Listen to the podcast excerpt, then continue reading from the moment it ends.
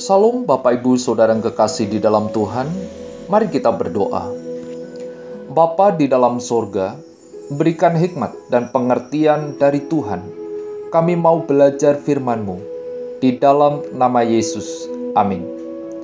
Tema renungan hari ini, di bumi seperti di surga. Matius pasal 6 ayat 10 berkata, Datanglah kerajaanmu, jadilah kehendakmu di bumi seperti di surga. Arti kata seperti adalah serupa dengan sebagai semacam tidak ubahnya sebagaimana sesuai dengan menurut seakan-akan seolah-olah.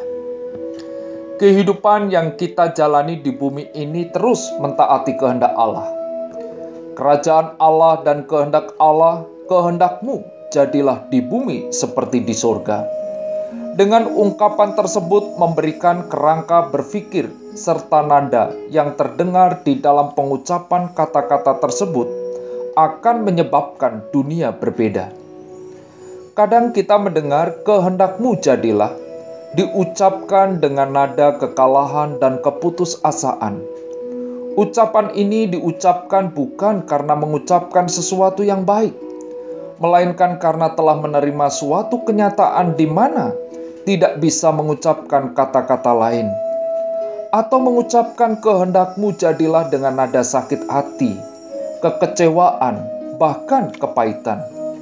Jika ada orang menerima kehendak Allah didasari dengan sakit hati yang pahit serta dengan kemarahan berapi-api, itu bukan suatu doa yang penuh kepercayaan, melainkan suatu sikap melawan di hadapan Tuhan mengucapkan kehendakmu jadilah di bumi seperti di surga, diucapkan dengan kasih dan kepercayaan yang baik. Kata-kata tersebut diucapkannya dengan sukacita dan sukarela, dengan kesediaan sepenuh hati untuk menerima apa saja yang menjadi kehendak Allah. Orang Kristen tidak ada kesulitan untuk mengucapkan kehendakmu jadilah di bumi seperti di surga dengan nada penuh penyerahan dan percaya kepada Tuhan. Hendaknya kita sebagai Kristen yakin akan kebijaksanaan Allah. Allah adalah ahli di bidang hidup dan kehidupan dan membimbing tidak akan menyesatkan. Sebagai orang Kristen yakin akan kasih Allah.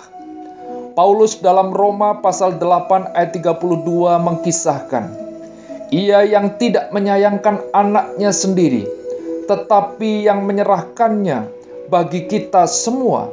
Bagaimanakah mungkin ia tidak mengaruniakan segala sesuatu kepada kita bersama-sama dengan Dia? Tidak ada orang yang melihat salib tetapi masih meragukan kasih Allah. Kalau kita meyakini kasih Allah, maka tidak sulit bagi kita mengatakan, "Jadilah kehendakmu di bumi seperti di sorga." Bagaimana saudara meyakini kebijaksanaan dan kasih Allah? Mari kita berdoa. Bapa di dalam surga, berikan hati yang terus belajar, meyakini kebijaksanaan dan kasih-Mu, sehingga hidup kami semakin percaya kepada Tuhan. Di dalam nama Yesus, amin.